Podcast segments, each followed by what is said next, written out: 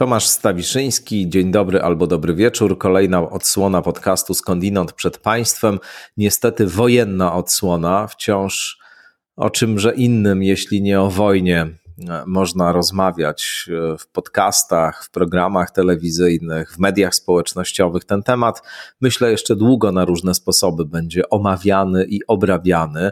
Trudno się dziwić. Myślę, że bardzo jest nam potrzebna rozmowa o tym, co się wydarza. Rozumienie tego, co się wydarza, jest nam bardzo potrzebne, a rozumienie w ogóle w dzisiejszym świecie jest towarem deficytowym, kiedy z jednej strony zalewają nas intensywne emocje, e, które uniemożliwiają racjonalną analizę. W mediach społecznościowych, zwłaszcza te emocje leją się strugami dosłownie, a z drugiej strony mamy mnóstwo fake newsów, mnóstwo produkowanych na określone potrzeby obliczonych e, pseudowiadomości, pseudoinformacji, zmyłek, mistyfikacji itd., tak itd. Tak no, Myślę, że bardzo, bardzo potrzebna nam jest e, racjonalna, obiektywna analiza, która na faktach się opiera i na kalkulacji, a nie właśnie ulega różnym odruchowym, e, życzeniowym albo innym sposobom ujmowania rzeczywistości na modłę e, emocji, na modłę fantazji. Przeczytałem z ogromnym zainteresowaniem i podziwem e, tekst Krzysztofa Wojczala, e, prawnika, naszego dzisiejszego gościa, analityka geopolitycznego z zamiłowania, ale niezwykle przenikliwego analityka, Pewnie Państwo też już e, ten tekst widzieli, bo on małą sensacją mediów społecznościowych się stał we wrześniu 2019 roku. Krzysztof Wojczal opublikował na swoim blogu tekst e, do 2022 roku Rosja wywoła wojnę Tytuł absolutnie proroczy, tekst też proroczy, z bardzo precyzyjną analizą tego, co doprowadziło Władimira Putina do tej decyzji. E, ja słuchałem Krzysztofa Wojczala naprawdę z ogromnym, ogromnym zainteresowaniem. Myślę, że to, co on tutaj mówi, to jest e, no, jedna z takich najbardziej e, prawdopodobnych, racjonalnych i głębokich analiz tego, co tam się właściwie dzieje w tej Rosji, w głowie Putina w Ukrainie i co się będzie dziać jeszcze, czy Putin wejdzie, czy nie wejdzie e, do e, NATO, do krajów NATO z wojskiem, czy na tym się skończy, czy się nie skończy, jakie są jego dalekosiężne cele, no i przede wszystkim, czy został zaskoczony tym, co się na, wydarzyło w Ukrainie w tym ostatnim czasie, tym potężnym oporem, czy te sankcje, które Rosję spotkają na dłuższą metę, okażą się dla reżimu Putina zabójcze. A o tym wszystkim jeszcze o wielu innych sprawach z Krzysztofem Wojczalem rozmawiamy w tym odcinku Skądinąd, na który Państwa serdecznie zapraszam. No i cóż, trzymajmy się wszyscy i przede wszystkim, drodzy przyjaciele, przyjaciółki z Ukrainy, trzymajcie się tam, nie dawajcie się. Krzysztof Wojczal przed Państwem.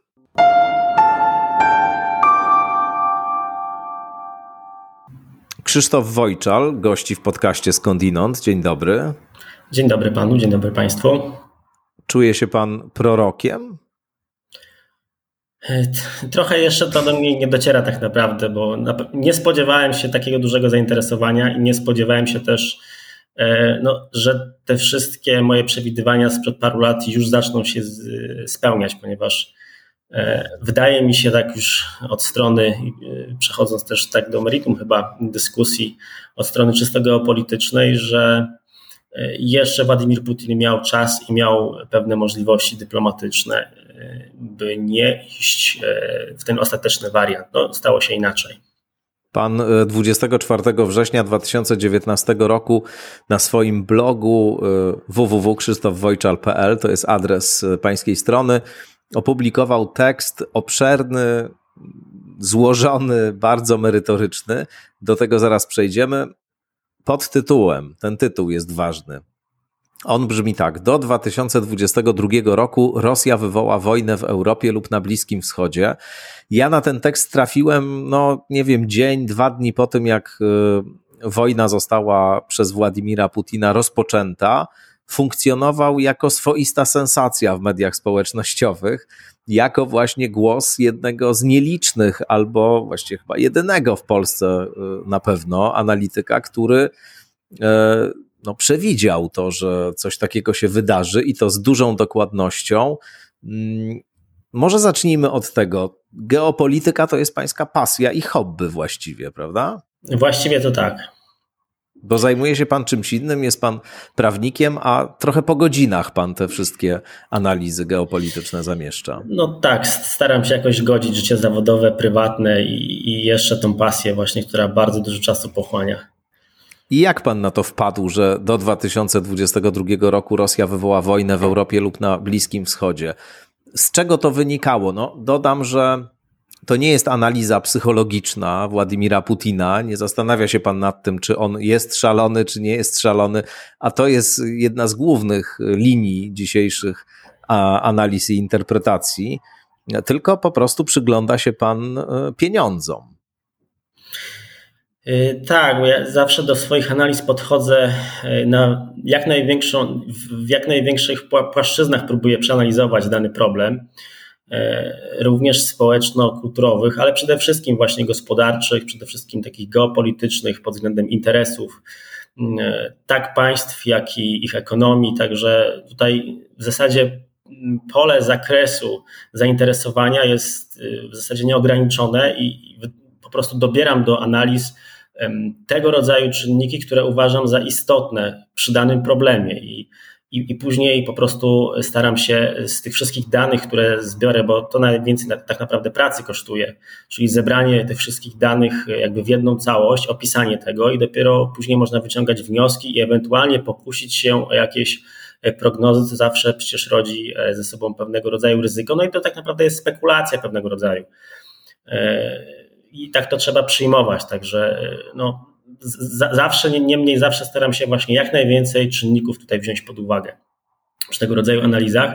I teraz jeszcze chciałbym poruszyć ten temat, o którym Pan powiedział, bo o tym mm. jeszcze nigdzie nie mówiłem, a wydaje mi się, że on jest kluczowy dla w tej chwili jakby istniejącej sytuacji na, na, na wojnie ukraińsko-rosyjskiej, czy też na płaszczyźnie takiego starcia dyplomatycznego NATO-Rosja, ponieważ do narracji, do, do, do przestrzeni społecznej weszła taka narracja, że E, Władimir Putin jest niespełna rozumu i, i prawdopodobnie szwankuje mu zdrowie i tak dalej. Tak, I stąd jakby są e, wyciągane daleko idące wnioski. Tak, tak. Mnóstwo takich rozmaitych domniemań, czy bierze sterydy i na przykład to spowodowało u niego wzrost agresji, to na podstawie rysów twarzy, czy jakimś stanie dekompensacji psychologicznej się znalazł, czy oszalał i tak dalej, i tak dalej. Mnóstwo tego. I, i właśnie chciałem się do, do tego odnieść, bo uważam, że to jest efekt pewnego rodzaju manipulacji, czy też gry na płaszczyźnie informacyjnej ze strony Rosjan, ponieważ to bardzo jeśli, ciekawa interpretacja. Jeśli uznać, że Władimir Putin jest niespełna rozumu, nazwijmy to e, w taki kolokwialny sposób, to wówczas e, strona zachodnia, która uważa się za racjonalną, i politycy, czy też decydenci ze strony zachodniej e, po, po ich stronie pojawia się obawa, że ten człowiek jest zdolny do wszystkiego. A to z kolei prowadzi do bardzo poważnych reperkusji, jeśli chodzi o wnioski e, dotyczące przyszłych decyzji, ponieważ jeśli mamy do czynienia z e, osobą, która jest zdolna do wszystkiego, w tym do wywołania wojny nuklearnej, no to wówczas nie powinniśmy podejmować żadnych kroków, które mogłyby go jakby podjudzić, czy też mogłyby mm, dać mu pretekst do tego, by wywołać tą wojnę nuklearną. I to jest bardzo niebezpieczne myślenie, i wydaje mi się, że tego rodzaju narracja również jest podsycana ze strony Kremla czy ze strony Wschodu, ponieważ jest to element gry psychologicznej z Zachodem. Z tego względu, że y, stronie rosyjskiej zależy na tym, by NATO nie ingerowało i nie wspomagało Ukrainy. E, także w mojej ocenie należy bardzo ostrożnie podchodzić do tego, do tego rodzaju narracji. Czyli, czyli pan uważa, że to jest taka, no właśnie, gra, mistyfikacja wyższego rzędu, to znaczy, że celowo i sam Putin, i właśnie rozmaite ośrodki informacyjne czy dezinformacyjne rosyjskie grają na to, żebyśmy sądzili, że Putin, nie wiem, stracił kontrolę nad sytuacją, oszalał, etc., żebyśmy my tak myśleli i w związku z tym obawiali się, że on może wszystko zrobić, a więc nie podejmowali różnych kroków, które mogą go zatrzymać, tak? Realnie. W mojej ocenie właśnie tak jest. Możemy za chwilę porozmawiać o tym, jakie racjonalne e, argumenty skłoniły Putina do e, wywołania tej wojny. E, natomiast jeśli sobie wyobrazimy pewnego rodzaju no, grę w cykora, tak? czyli ta, ta słynna scena w filmach hollywoodzkich, gdzie dwa, dwaj, dwaj kierowcy kierują naprzeciwko siebie swoje pojazdy, rozpędzają się i, i tutaj jakby dochodzi do takiej sytuacji, w której jeden z nich musi musi odpuścić i zjechać z drogi. E, I mniej więcej właśnie coś takiego zaproponował niejako Władimir Putin stronie zachodniej. I w takiej grze, e, właśnie w Cykora, wiadomym jest, że bardzo dużą rolę odgrywa psychika e, i świadomość tego naszego rywala, że jesteśmy gotowi na wszystko. E, I w tym kontekście e, uważam, że tego rodzaju narracja, że właśnie Władimir Putin być może stracił kontrolę, być może jest niespełny rozuma, rozumu, przepraszam, i, i to wszystko jakby trochę się dzieje przypadkowo czy emocjonalnie, to w mojej ocenie właśnie tego rodzaju obraz Putina służy stronie rosyjskiej e, właśnie w rozgrywce pomiędzy stroną zachodnią a rosyjską, a w której Ukraina jest tak naprawdę podmiotem, aczkolwiek jest również jednym z głównych celów, jeśli chodzi o e, Moskwę czy też decydentów z Kremla. Czyli myśli pan, że na przykład ta e, scena z e, obrad Rady Bezpieczeństwa Rosji, kiedy dukający szef wywiadu, plączący się, wyraźnie przerażony, blady, coś tam e, tłumaczył się przed Putinem, i to wyglądało właśnie dokładnie tak, jakby nagle ten człowiek, który zna przecież tego Putina od E, dawna, który jeszcze z czasów e, KGB z nim e, się jakoś tam w przyjaźni, z nim w przyjaźni funkcjonował, że, że, że to też był, była część na przykład takiego teatru czy mistyfikacji? No proszę, proszę zwrócić uwagę na to, że te wszystkie obrazy były przekazywane, były nagrywane przez Kreml i przekazywane do przestrzeni publicznej przez Kreml. Tak jest. I nie wydaje mi się, by specjaliści od wizerunku, czy też od polityki e, międzynarodowej, rosyjscy, puścili takie nagranie bez przyczyny. No zawsze mogli poprosić o powtórzenie tej sceny. Oczywiście, że tak, zwłaszcza, że ona była przecież no, na, nagrywana y, z, jakby w, w, pewnym kontekście. Znaczy, to nie było spontaniczne, y, spontaniczne zebranie, tylko to było zebranie nagrane po to, żeby to właśnie później puścić w mediach i uzasadnić konflikt zbrojny. Także to wszystko, to wszystko było pewnego rodzaju teatrum i trudno jest zakładać, że w, w dobrze jakby tutaj wcześniej przygotowywanej scenerii e, doszło aż do takiego błędu czy fopa, w którym właśnie jakby na skutek czego można by było przypuszczać, że Putin e, tutaj zwariował, a jego dowódcy są przerażeni swoim zachowaniem swojego szefa. No to jeszcze o jedną rzecz tutaj w tym kontekście pana zapytam, bo ona się w tej klasie abstrakcji mieści różnych interpretacji i e, także teorii spiskowych, bo to teoria trochę spiskowa. Dużo trochę jest tak. takich, tak, ale dużo też jest takich teorii spiskowych, że oto ktoś tam na Kremlu, e, jakieś e, ośrodki realnej władzy, których Putin jest tylko widoczną ekspozyturą, zdecydowały się, żeby jednak Putina od władzy e, e, odstawić i w związku z tym e, przekazywały mu fałszywy obraz tego, co realnie na Ukrainie się dzieje, upewniały go w tym, że akcja potrwa chwilę wojskowa, a tam wszyscy będą witali rosyjskich żołnierzy z kwiatami. No, wszystko po to, żeby go w tę Ukrainę wpuścić, żeby on tam ugrzązł i żeby e, się na tym wyłożył, mówiąc kolokwialnie. Myśli pan, że to też jest e, taka interpretacja e, na przykład podbijana przez te ośrodki dezinformacyjne kremlowskie właśnie, żebyśmy tak myśleli? No, widzę, że wpuszcza pan trochę w swój ulubiony wątek tutaj dyskusję, ale chętnie podejmę. Chętnie podejmę. W mojej ocenie tego rodzaju narracja troszeczkę nie nie, e, no, nie, nie pokrywa się z faktami, ponieważ Władimir Putin przygotowywał się już od lat do ewentualnej inwazji na Ukrainę, która nie była przesądzona, jednak w sytuacji, w której Zachód czy też Stany Zjednoczone nie poszłyby na warunki e, strony moskiewskiej, no to wówczas zakładano, że to będzie taki wariant ostateczny, który e, miałby w, jakby poprzez pokazanie siły wymusić na Zachodzie pewnego rodzaju koncesje. Głównie chodzi o kapitał, technologię i zgodę na projekt polityczny, czyli sojusz między Niemcami a między Niemcami a Rosją, który miałby stworzyć niejako E, odrębny podmiot e, siły w międzynarodowej układance na arenie międzynarodowej, niezależny od Stanów Zjednoczonych. I teraz jakby w tym, w tym całym kontekście należy pamiętać o, o jednej rzeczy,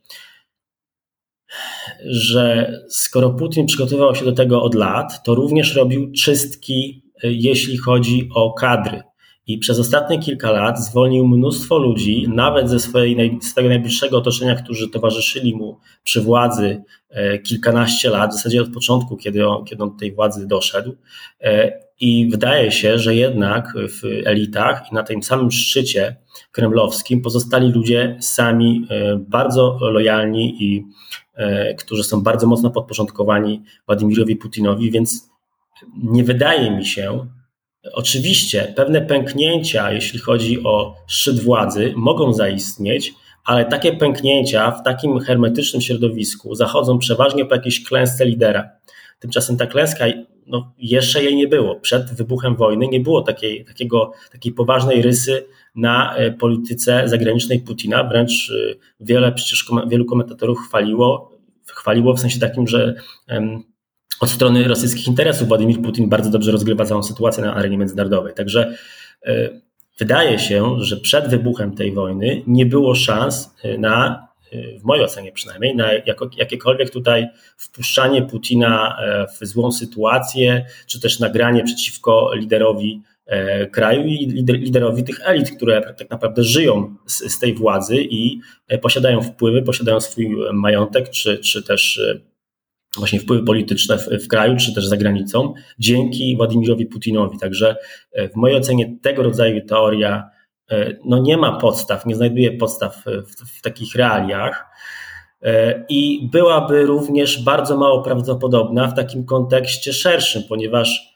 no proszę zwrócić uwagę, że te wszystkie, tym wszystkim elitom bardzo dobrze żyje się w Rosji, a bardzo dobrze się żyje w Rosji dlatego, że Rosja jest w, jakimś, w jakiś sposób oczywiście izolowana i jest w tej chwili mm, no, w takim trudniejszym dla siebie momencie historycznym, ale jednak stoi na, twardo na nogach, nie rozpada się, jest izolowana, ale posiada dość dużą autonomię, jeśli chodzi o gospodarkę i ekonomię na wielu płaszczyznach, także te sankcje e, nie były aż tak mocno odczuwalne, przynajmniej dla elit rosyjskich.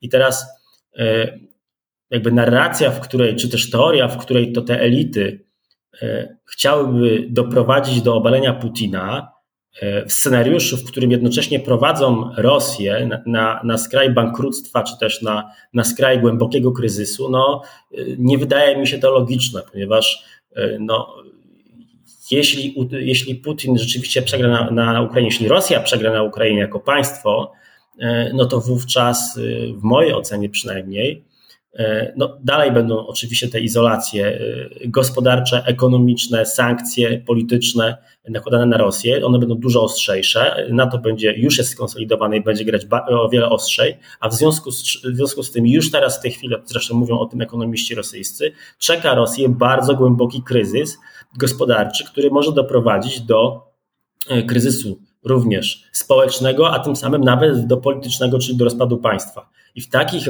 realiach elity rosyjskie nie chciałyby się znaleźć. E, w związku z tym dla nich lepszym jest zły lider, który dba o stabilność jednak państwa, w której do stabilności te elity e, posiadają e, no, bardzo komfortowe życie w bardzo dobrych warunkach z dużymi wpływami, niż by miały te elity się narażać na pewnego rodzaju niepewność jutra. No tak, to prawda, że rzeczywiście taki, taki scenariusz polegający na wymianie kapitana statku poprzez zatopienie statku wraz z całą załogą, która chce tego kapitana wymienić, to nie jest najlepsza metoda, żeby dokonywać takiej operacji i faktycznie jeśli jakieś e, no, niejawne e, grupy trzymające władzę w Rosji miałyby Putina w ten sposób pogrążać, że pogrążałyby zarazem i siebie i cały kraj, Hmm.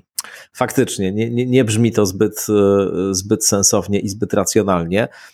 Jeśli jeszcze można chwilę o tym wątku takim psychologicznym, to co pan z kolei myśli o tych pełnych radości i nadziei Mm, e, takich diagnozach, że oto e, zapanowała jakaś konsternacja, delikatnie rzecz ujmując, e, w kręgach najwyższej władzy w Rosji, a nawet może panika, że Putin jest wściekły, przerażony tym, że to się nie udało w formule blitzkriegu, tylko że mamy do czynienia z przeciągającą się operacją, wojną, inwazją czy myśli pan, że on się e, tym rzeczywiście martwi?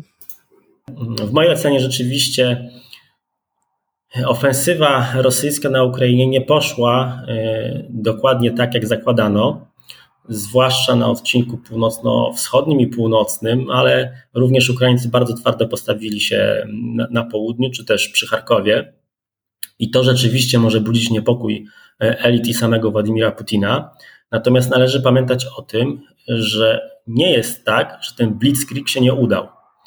Blitzkrieg trwa, mamy dziewiąty dzień wojny i Rosjanie posunęli się bardzo daleko w głąb terytorium e, białoruskiego e, czy ukraińskiego na wybranych kierunkach. Także e, rzeczywiście ta kampania ma charakter blitzkriegu, który został na niektórych odcinkach zatrzymany. To, co się Rosjanom nie udało, to oczywiście ten zaskakujący wszystkich i samych Ukraińców desant ze śmigłowców wojsk powietrzno-desantowych przy Kijowie, ale Ukraińcy widać, że dobrze rozmieścili swoje siły i posiadali odpowiednie odwody w Kijowie, dzięki czemu udało im się wyprzeć Rosjan z lotniska strategicznego.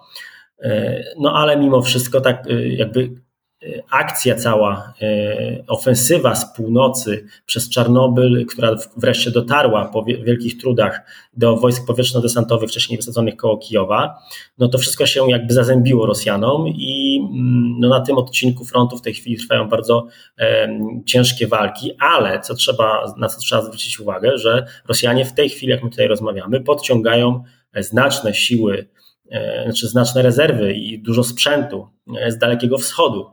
E, także już widać było nagrania właśnie z, z Chabarowska bodaj, jak na kolejach jadą wozy opancerzone i czołgi, także mobilizacja w Rosji trwa, mimo że jest większość sił, jak się szacuje, około 90% jest zaangażowanych w tej chwili na Ukrainie, co oznacza, że w zasadzie drugi, a może nawet trzeci rzut rosyjski wszedł już do na Ukrainę i jakby ciężko będzie w tej chwili e, ponowić impet uderzenia Rosjanom, zwłaszcza, że Ukraińcy posunęli się wczoraj do, e, do akcji zaczepno-kontrofensywnej na wielu odcinkach.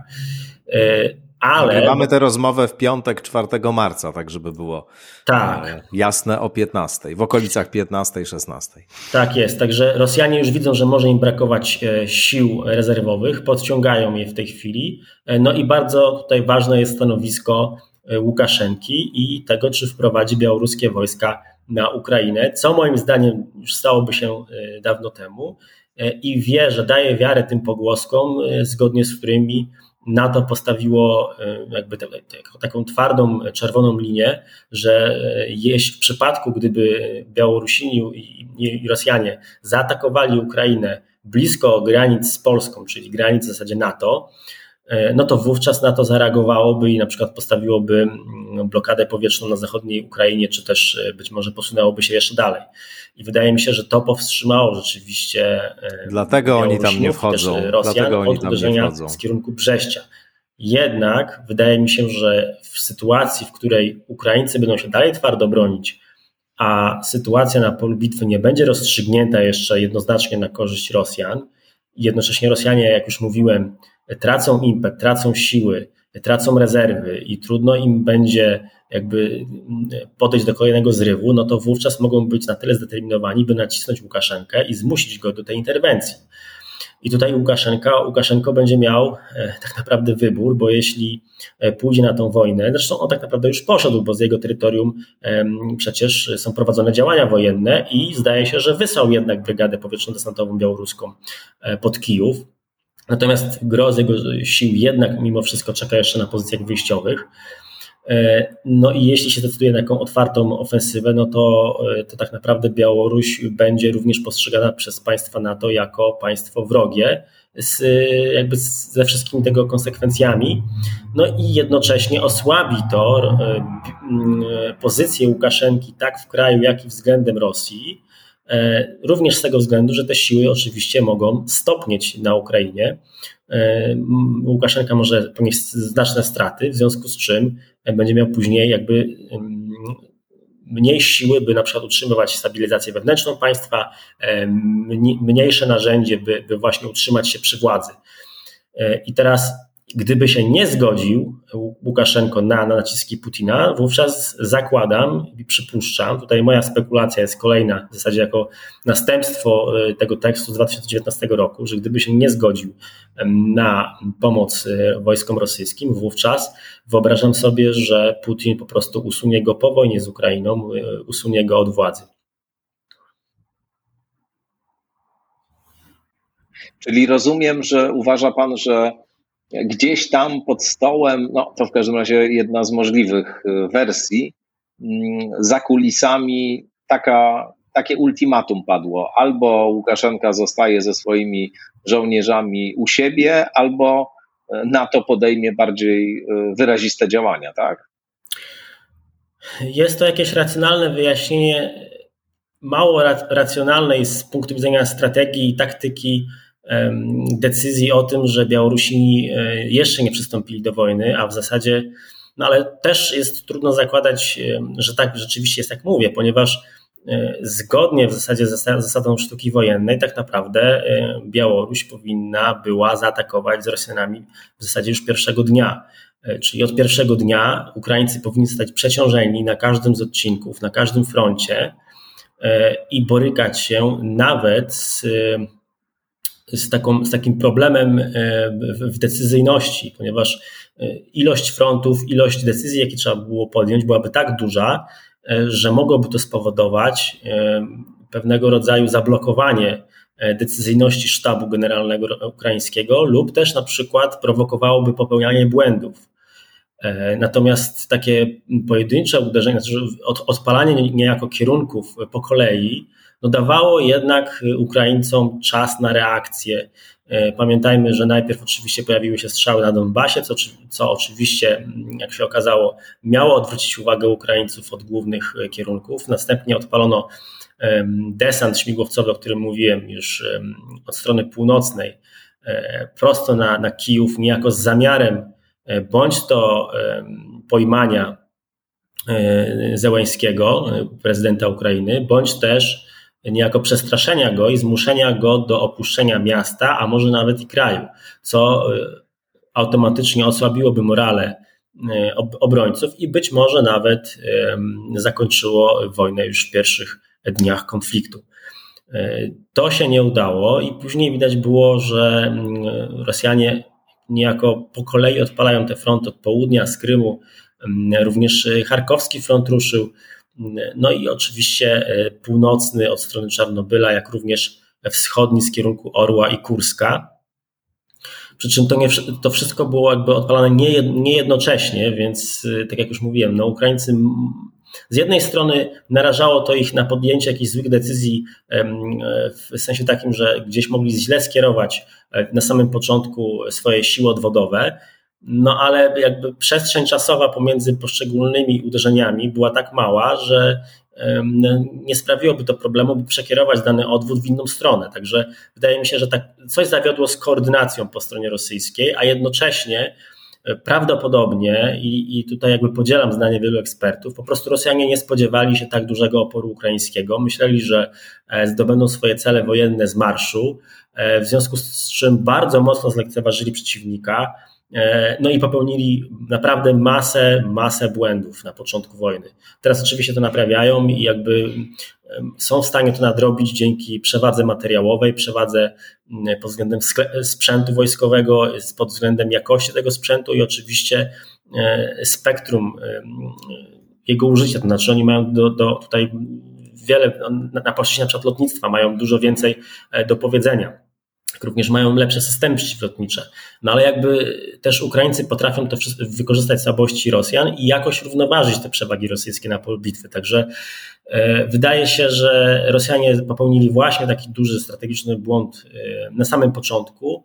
E, no i teraz jakby to logiczne myślenie też jest, też trzeba brać na to poprawkę, że jeśli logicznym byłoby uderzenie Białorusinów, a Białorusini nie uderzają, to tutaj należy się spodziewać jakiejś teorii spiskowej. No oczywiście ja podzielam właśnie tą teorię, jakoby NATO powstrzymało Białoruś, natomiast pozostawiam sobie tutaj pewne pole manewru, do, do, czy pewne pole, pole takie, że, że mogę się mylić, ponieważ e, no jak pokazują te pierwsze dni wojny, Rosjanie nie zawsze podejmowali najlepsze dla siebie decyzje i e, nie zawsze wszystko szło po ich myśli. Czyli tutaj możemy się spodziewać e, długotrwałej wojny, która się będzie ciągnęła i ciągnęła nawet latami. Myśli pan, nie, że to jest realny scenariusz? Nie, nie sądzę. To naprawdę rozstrzygnie się e, najpóźniej w, przestrzeni tygodni. E, jak widzimy, wojna bardzo szybko postępuje, bardzo szybko zmienia się sytuacja na froncie e, i Rosjanie, powiem inaczej, gdyby Ukraińcy utrzymali linię obronną na Dnieprze, no i na południu powiedzmy utrzymaliby ten Mikołajów i nie, nie przepuściliby E, Rosjan, e, rosyjskich zagonów dalej, nie, nie daliby się oskrzydlać od strony południowej, e, już na wschodniej części Dniepru, jednocześnie utrzymaliby Kijów i mniej więcej właśnie tą linię Dniepru, to wówczas Rosjanie nie byliby w stanie kontynuować wojny E, przez kolejne miesiące, a nawet lata. Z tego względu, że musieliby okupować całe e, zajęte terytorium, całą zajętą przestrzeń, na której wciąż funkcjonują e, jednostki lekkiej piechoty, funkcjonowałaby partyzantka, jakby ta okupacja pochłaniałaby ogromne ilości ludzi, środków i oczywiście kapitału. Także z punktu widzenia Rosji to jest bardzo, bardzo niekorzystne, by tam jakby, jakby by przejść do, do wojny e, takiej pozycyjnej i okupować e, połowę Ukrainy. To, to byłoby bardzo kosztowne. W związku z tym, jeśli Rosjanie nie odniosą sukcesu takiego e, właśnie stricte blitzkriegu, w blitzkriegu i nie zdobędą Kijowa, czy też nie obejdą głównych sił ukraińskich, nie oskrzydlą nie okrążą i nie zniszczą w, w polu, wówczas e, no Rosja, Rosjanie po prostu przegrają, e, przegrają swoje cele strategiczne. Celem strategicznym jest oczywiście przejęcie kontroli nad Kijowem i przejęcie kontroli nad Ukrainą jako państwem. W zasadzie pokój, w którym na przykład uzyskaliby część terytorium dla siebie, powiedzmy kolejny obwód, czyli na przykład Donieck plus Charków i okolice, mówię o całym Doniecku i na przykład jeszcze powiedzmy przejście lądowe pomiędzy Krymem a Federacją Rosyjską, tak naprawdę nie urządzałoby Rosjan pod względem geopolitycznym i takim strategicznym w ogóle, ponieważ y, wciąż istniałaby niezależna Ukraina, wciąż blokowałaby dostęp do państw NATO, wciąż dążyłaby do dołączenia do Unii Europejskiej i Sojuszu Paktu Północnoatlantyckiego i wciąż stanowiłaby pewnego rodzaju bufor, a jednocześnie zagrożenie dla strony rosyjskiej.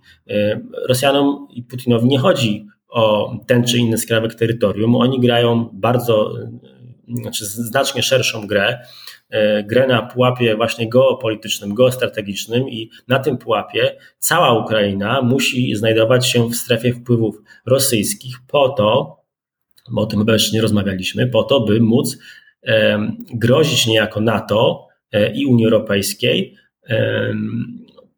by oczywiście osiągnąć swoje cele, czyli to, o czym wcześniej mówiłem, czyli kapitał, technologię i zgoda na polityczne partnerstwo na, na, na osi e, Berlin-Moskwa, a żeby to uzyskać, mogliby posadowić, wyobraźmy sobie taką teraz sytuację, że jesteśmy po wojnie e, na Ukrainie, e, Rosjanie zwyciężyli, podległy Moskwie, rząd w Kijowie za pieniądze podatników ukraińskich oczywiście mm, tutaj buduje siły policyjno-pacyfikacyjne, które, e, które utrzymują niejako Ukrainę i Ukraińców e, w pewnego rodzaju reżimie.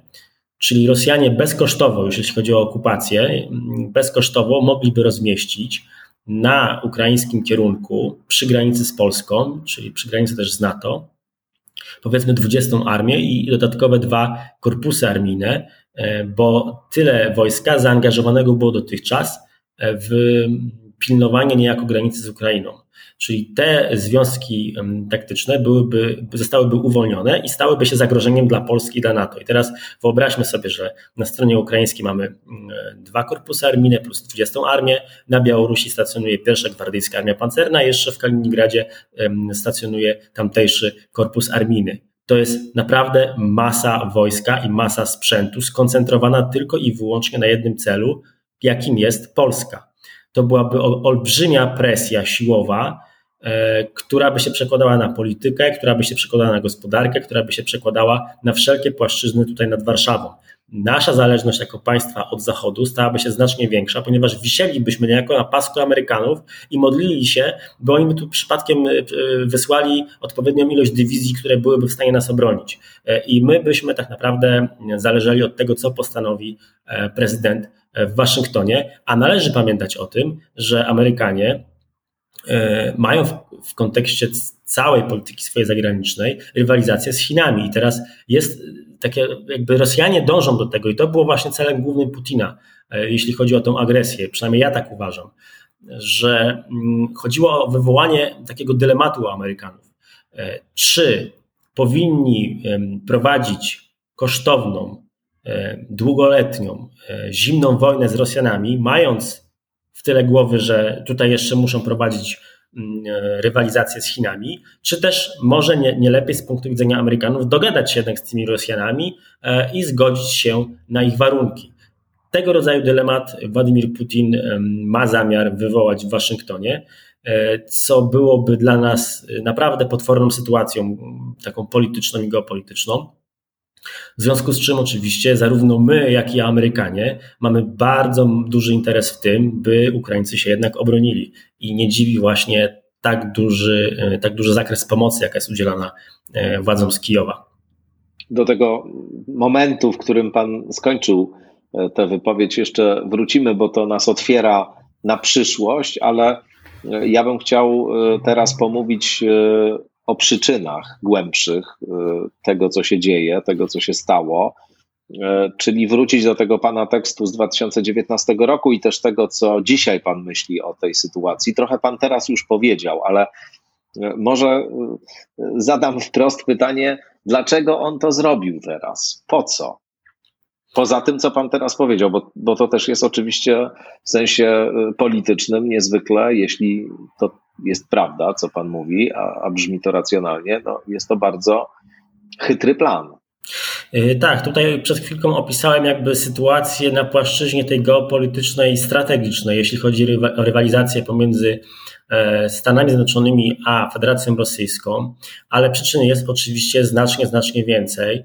E, sam, w samym interesie rosyjskim, nie wiem czy to już mówiłem, ale może powtórzę, bo to jest ważne, jest to, by Ukraina była w strefie wpływów rosyjskich, z tego względu, że Ukraina, która nie jest podporządkowana Rosji już osłabia Federację Rosyjską jako tako, a dążąca do Unii Europejskiej lub dążąca do NATO e, jest dla Rosji zagrożeniem. I dochodzi do tego jeszcze jeden bardzo ważny aspekt gospoda- ekonomiczno-gospodarczy, e, ponieważ rosyjska gospodarka, rosyjska ekonomia, rosyjskie finanse e, posiadają e, określony limit wytrzymałości e, i tylko na Kremlu wiedzą, gdzie ten limit się znajduje, natomiast no, zbliżamy się na pewno do, do niego i być może właśnie na podstawie jakby tej wiedzy podjęto decyzję o inwazji właśnie w tej chwili. Należy zwrócić uwagę na fakt, że eksport Federacji Rosyjskiej węglowodorów, czyli gazu, ropy naftowej i węgla, stanowi równowartość połowie budżetu wojsko, połowy całego budżetu rosyjskiego, a z budżetu rosyjskiego oczywiście Rosjanie budują e, swoją potęgę militarną. Potęgę militarną, która jest je, tak naprawdę jedynym takim dużym argumentem w rozmowach e, na, na wysokim szczeblu na arenie międzynarodowej. E, I teraz bez tego kapitału Rosjanie nie są w stanie się rozwijać technologicznie, gospodarczo, a przede wszystkim militarnie, czyli słabną na każdej z płaszczyzn. E, I według samych Rosjan szczyt wydobycia ropy naftowej przypadł na 2021 rok. W 2035 roku z kolei, według ich samych szacunków, ten, to wydobycie może spaść aż o połowę. Oni posiadają złoża, ale te złoża znajdują się e, w rejonie arktycznym. Żeby wydobywać z rejonu arktycznego, potrzeba mieć e, technologię, e, bo oczywiście stawiać kopalnie w tak trudnych arktycznych warunkach. Tego Rosjanie nie posiadają, na skutek sankcji nie mogą pozyskać, w związku z czym aktualnie eksploatowane zasoby rosyjskie po prostu się kończą. To jeśli chodzi o ropę, ale jeśli chodzi, jeszcze jest inna płaszczyzna. Pamiętajmy o, bez bardzo dużo wątków i, i po prostu e, łatwo któryś pominąć, ale wszystkie są ważne. Jest jeszcze wątek e, dotyczący kwestii takiej polityki klimatycznej czy energetycznej e, samej Unii Europejskiej, ponieważ tego nie powiedziałem, eksport na przykład gazu do ropy, gazu do Europy i Turcji to jest 90% całego eksportu, jeśli chodzi o gaz e, rosyjski. Także tutaj jest bardzo newralgiczny dla Rosjan rynek. I teraz e, Mając na uwadze e, właśnie tą politykę klimatyczną, pamiętajmy, że szykuje się rewolucja w motoryzacji, szykuje się, czyli jakby przejście na te pojazdy elektryczne, szykuje się rewolucja, jeśli chodzi o energetykę, stawia się na odnawialne źródła energii. To wszystko będzie kosztem oczywiście importu surowców energetycznych z Rosji. Jednocześnie niedawno Stany Zjednoczone stały się eksporterem e, tak gazu, jak i ropy pochodzących z, z łupków. E, I bardzo mocno jeszcze za czasów Trumpa. Trump podpisał z Junckerem e, taki układ, dzięki któremu Amerykanie wkroczyli bardzo mocno na rynek energetyczny w Europie i zaczęli tutaj przysyłać swoje tankowce, czy też gaz LNG E, i, i ropę do Europy, jednocześnie zaczęli wypierać niejako i stanowić konkurencję dla surowców energetycznych z Rosji. E, także jest bardzo dużo jakby spadek wydobycia, e, konkurencja ze Stanów Zjednoczonych, zmiana polityki energetycznej Unii Europejskiej, to wszystko prowadzi do konkluzji, że lada moment być może za kilka, być może za kilkanaście lat Federacja Rosyjska po prostu okaże się bankrutem, e, ponieważ oni żyją z, tylko i wyłącznie ze sprzedaży tego, co wydobędą z ziemi, e, w tym właśnie węglowodorów. Na, na, e, jakby na większej części od, od węglowodorów zależy ich budżet. Także w tym kontekście jakby im czas się kończy i to y, na pewno przemawiało za tym, by podejmować coraz bardziej stanowcze e, ruchy i kroki. Jednocześnie, jeśli chodzi o rynek gazowy, trzeba pamiętać, że Polska stawia Baltic Pipe, czyli będziemy mogli pozyskiwać gaz z Norwegii, co w zasadzie nas uniezależni od e, gazu rosyjskiego. Mało tego, rozbudowujemy w tej chwili port w Świnoujściu LNG, czyli będziemy mogli przyjmować tego gazu e, więcej skroplonego gazu drogą morską. Jednocześnie w tej chwili na pewno przyspieszyliśmy pracę nad pozyskaniem pływającego gazoportu LNG do Gdańska, który znowu zwiększy tutaj przepustowość, jeśli chodzi o przyjmowanie i import gazu. Litwini postawili swój port LNG w Kłajpedzie. Jednocześnie była w ostatnich latach bardzo mocno rozbudowywana infrastruktura gazowa w Polsce. W zasadzie my mamy w tej chwili potencjał do stania się takiego, takim mini hubem e, gazowym, e, czyli państwem, przez które będzie można przesyłać gaz na różne strony, czy to na południe, do, państw bałkańskich, tam w stronę Chorwacji, e, czy do Czech, do, do, Węgier, czy też nawet na Ukrainę, czy też przez państwa bałtyckie, nawet na Finlandię. Także naprawdę to, te wszystkie inwestycje były bardzo groźne dla dla Federacji Rosyjskiej. E, ze swojej strony Rosjanie oczywiście budowali z Niemcami Nord Stream 2, e, ale należy pamiętać, że ten argument w tej chwili staje się powoli mało aktualny, ale generalnie wątek Nord Stream 2 jest bardzo ciekawy i wydaje mi się, że on był przyczynkiem do wybuchu wojny w tym, a nie innym momencie. Prawdopodobnie przyspieszył właśnie decyzję Putina, a ta decyzja oczywiście, jak już mówiliśmy wcześniej, mogła zaskoczyć generałów. E, ponieważ wydawało się w pewnym momencie, że po, po, tej, e, po tej sankcji, którą nałożył Trump, e, która w zasadzie odwlekła zbudowanie, zbudowanie fizyczne gazociągu, Joe Biden nieco odpuścił. W mojej ocenie była to gra na zwłokę, ponieważ Amerykanie już przeczuwali, że Rosjanie mogą rzeczywiście mocniej zagrać i to grozi wojną być może właśnie na Ukrainie i to się później sprawdziło. I w mojej ocenie Amerykanie zaczęli grać łagodniej po to, by ugrać trochę czasu, ponieważ NATO nie było przygotowane na ten konflikt, co pokazują też pierwsze dni. Dopiero teraz się konsolidujemy. jakby ta inwazja nas zaskoczyła. No i Ukraińcy oczywiście chcieliby jak najdłużej mieć jak najdłużej czasu, żeby się do, do takiej inwazji przygotować i żeby jak najdłużej też spinać się tutaj z Unią Europejską i, i zacząć budować swój kraj na nowo.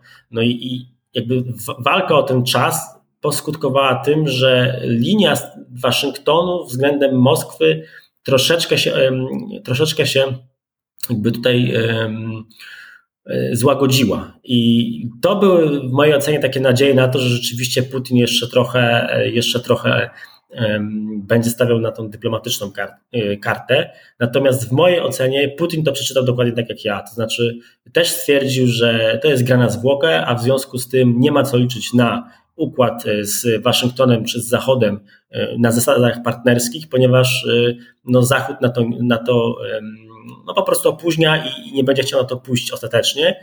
I prawdopodobnie Amerykanie czekali po prostu, aż Rosja się sama rozpadnie na skutek właśnie problemów gospodarczych. W związku z czym e, ten rok 2022, bo to też należy wyjaśnić, skąd się wzięła ta cezura czasowa, którą ująłem właśnie. w tytule artykułu. No właśnie. Bo ta cezura czasowa wzięła się stąd, że właśnie no, pod koniec 2022 roku, jak, jak już mówiłem, my zbudujemy ten Baltic Pipe, czyli jakby od tego się zaczyna, jeśli chodzi o niezależność energetyczną, gazową tutaj tego regionu i, i Polski. E, I no, ja to tak postawiłem na, na tej podstawie tę cezurę czasową. Oczywiście to był taki strzał, no, przyznam szczerze, że, że, że no, chciałem zamieścić jakąś datę, ta wydawała mi się bardzo prawdopodobna właśnie z tego no, względu. No, pan wcelował. No i niestety, niestety wcelowałem, y, a, aczkolwiek, no tak jak mówię, no to gdzieś tam było oparte na jakichś przesłankach, natomiast y, no, jakby ta budowa Baltic Pipe moim zdaniem nie zaważyła aż tak mocno. Bardziej y, wydaje mi się, że ta kwestia Nord Stream 2 E, jakby I to, że Władimir Putin dostrzegł, że nic z tej inwestycji po prostu nie będzie, że ona nie wyjdzie i ona tak naprawdę była formalnie niby blokowana, bo ona została zakończona. Tutaj e, były problemy z certyfikacją, ale wszyscy wiemy, że to nie kwestie formalne zatrzymały e, przepływ gazu przez tą rurę, tylko najprawdopodobniej naciski polityczne. No i prawdopodobnie też Putin też tak to odczytał, w związku z czym zdecydował się na inwazję.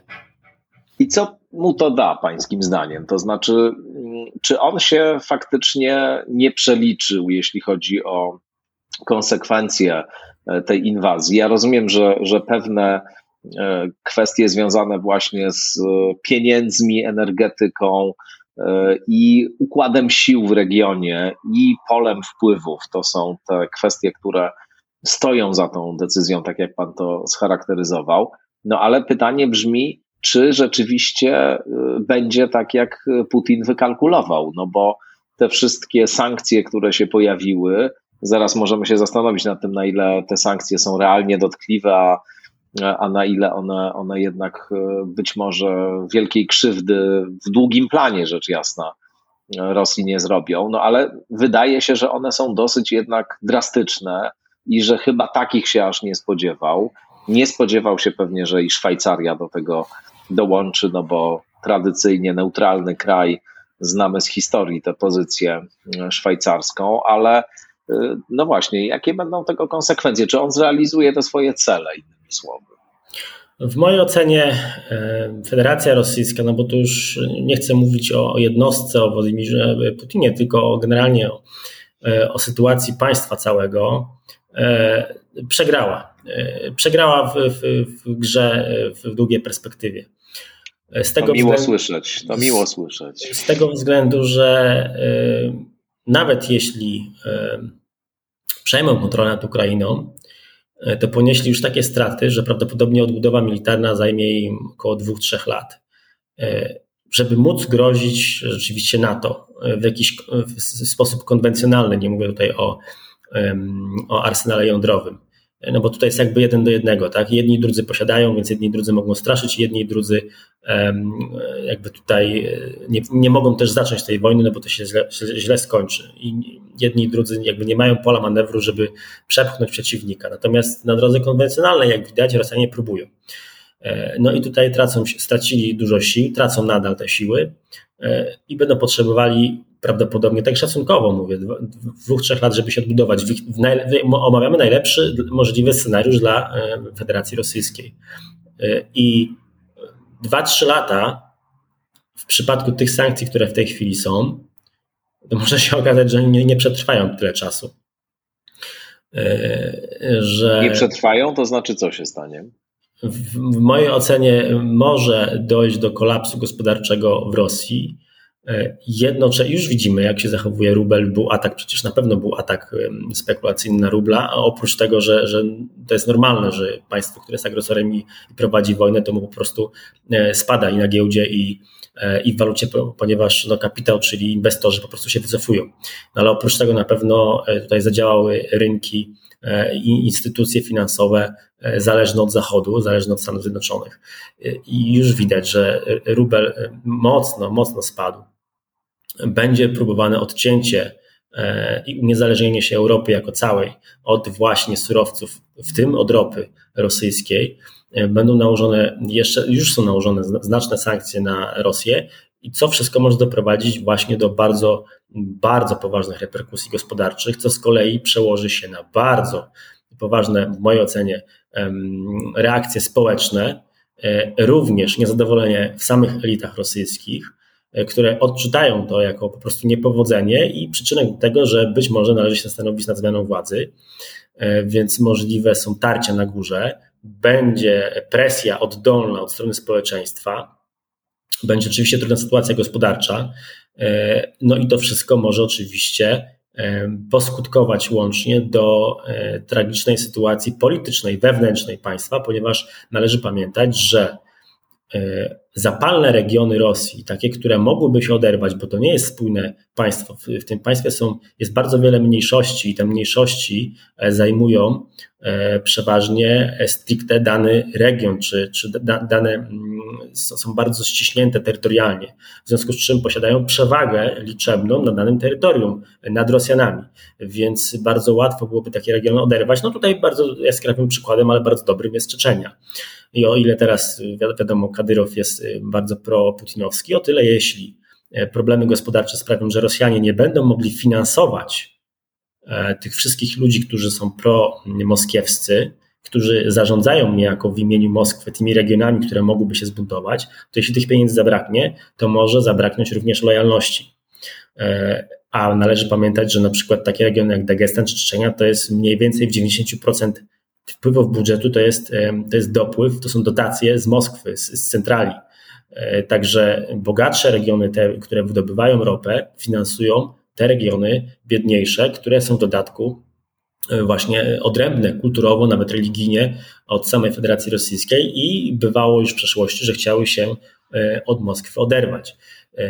Bardzo duże, w mojej ocenie, bardzo duży opór może być wewnętrzny, jeśli chodzi o wschód kraju, czyli te, e, wszystko, co się znajduje za Uralem, ponieważ mm, tam naprawdę jest daleko od Moskwy i ludzie, którzy tam rządzą, tak samo jak ludzie, którzy tam mieszkają, e, no, coraz mniej utożsamiają się z władzami z Moskwy, coraz mniej się utożsamiają z resztą kraju.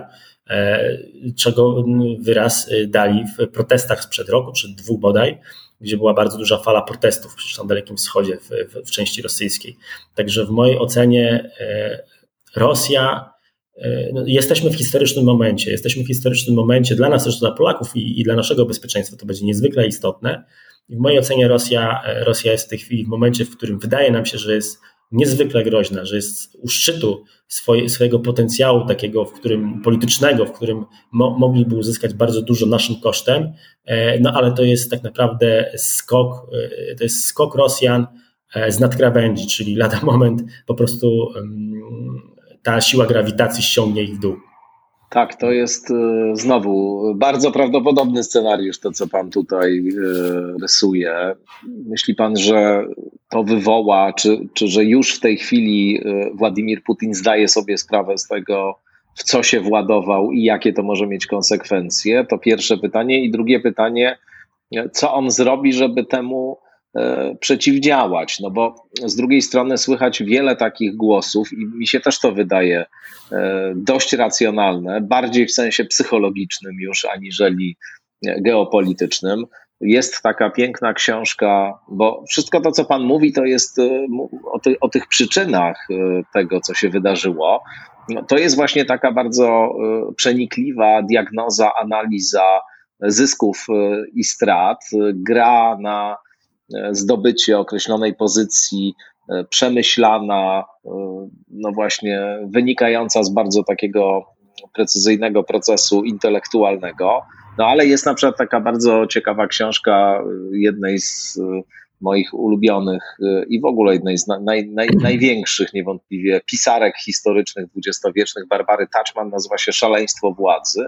No i ona tam zbiera różne przykłady sytuacji, w których ludzie działali przeciwko własnemu interesowi. Ci, którzy byli y, na najwyższych szczeblach władzy. No ona mówi, my mamy tendencję do tego, żeby wyobrażać sobie, że władza zawsze działa jak najracjonalniej właśnie, jak najlepiej i we własnym interesie, no ale ludzie często robią coś y, z różnych powodów, y, często irracjonalnych, co kompletnie przeciwstawia się ich interesowi. Teraz przemawia do mnie taka e, interpretacja, w myśl której e, no, on rzeczywiście nie spodziewał się tak radykalnej reakcji.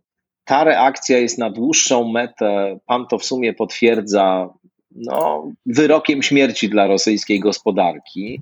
To się może wszystko załamać wskutek tych sankcji, które Putin w tej chwili na Rosję i na siebie samego ściągnął, a one mogą jeszcze dalej idące być, bo tu jeszcze trochę zostało do tego, żeby, żeby wdrożyć, no to może on już po prostu nie będzie miał nic do stracenia i porzuci tę taką racjonalną kalkulację i ponieważ gra już e, o taką stawkę, jakiej nie przewidywał wcześniej, to też i jego zachowanie może być nie mieszczące się w tej wcześniejszej kalkulacji, czyli nie wiem, może postanowi już teraz e, w taki otwarty konflikt z NATO się zaangażować.